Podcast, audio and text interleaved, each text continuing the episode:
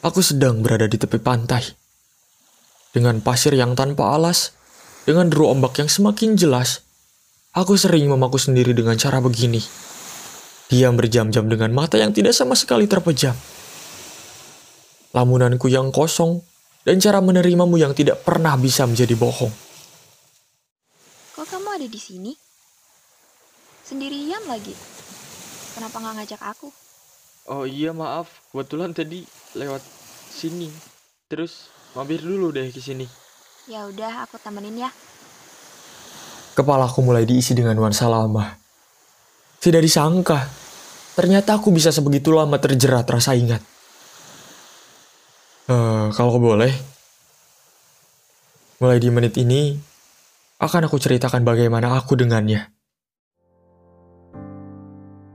Dulu, di setiap sore, selalu ada notif yang isinya Kamu lagi senggang nggak?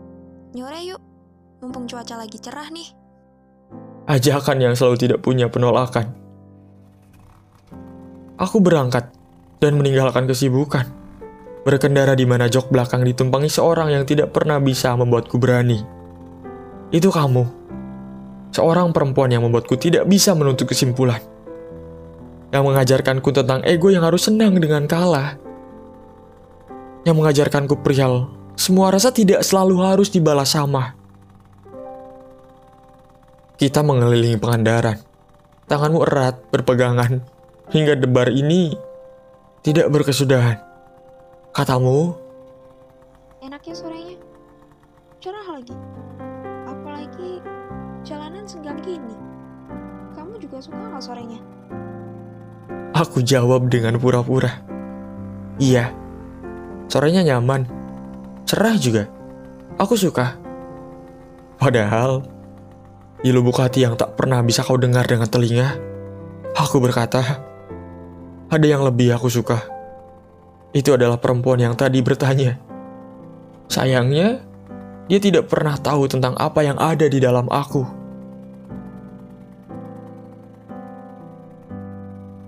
Ini mau ke mana? Beli makan dulu aja ya. Sekalian juga beli makan buat yang di rumah. Dengan suasana jalanan yang senggang, waktu itu aku terjebak nyaman. Yang sampai saat ini, aku tidak pernah enggan untuk membayangkannya. Kita mampir sekedar beli makan.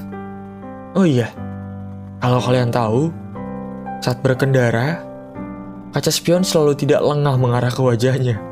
Supaya apa? Supaya aku tahu bahwa ekspresi bahagianya karena aku. Dan semua itu adalah kita yang sudah lama bertahan di zona pertemanan. Mungkin itu juga gara-gara aku yang selalu tidak pernah punya keberanian. Dan anehnya, aku selalu bertahan. Meskipun orang yang kamu ceritakan bukan aku. Aku selalu pasang telinga. Selalu senang saat menunggumu bercerita. Selalu senang saat kau butuh apa-apa. Aku selalu jadi orang pertama yang mengusahakan itu. Itu adalah sore yang pernah membuatku merasa ada. Setelah berjalannya waktu, aku kumpulkan rasa berani untuk terus terang soal ini.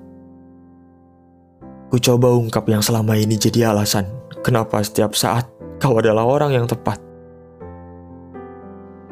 Hei, sebenarnya aku udah lama nyimpen ini. Aku udah lama nutupin ini. Dan sekarang, kayaknya udah waktunya aku terus terang deh. Ya alasannya karena kita nyambung aja. Dan jujur aku nyaman sama kamu. Dan aku bisa seenaknya suka sama kamu. Kok bisa? Kita kan udah sahabatan dari lama. Kenapa kamu baru bilang sekarang? Gini, gini, gini. Kalau kita bangun status baru, aku nggak mau nantinya kita berantem dan ujung-ujungnya kita putus. Terus, buat balik lagi kayak gini, itu bakalan susah. Jadi, kayaknya aku nggak bisa.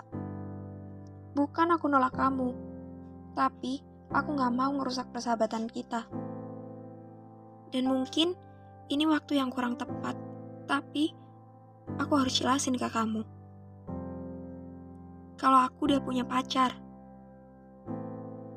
Cuma aku lagi berantem saat ini, jadi aku lari ke kamu. Karena aku tahu kamu yang bakal bikin mood aku balik lagi. Jadi maaf selama ini aku gak bilang ke kamu kalau aku udah punya pacar. Di satu sisi, aku berusaha buat nutup-nutupin ini. Dan di sisi yang lainnya, kamu juga berusaha buat nutup-nutupin itu. Aku adalah badut. Dan di masalahmu, kamu merasa terhibur. Hingga aku melakukannya berulang kali. Dan saat ini mungkin tidak pernah ada masalah hingga sudah lama kamu tidak cari aku. Itu adalah aku yang merasa bersama dia. Seperti yang kalian tahu, aku pandai untuk menghibur orang lain. Aku pandai untuk membuat orang tersenyum. Aku pandai untuk membahagiakan orang lain. Tapi Aku bodoh untuk melakukan hal itu untuk aku.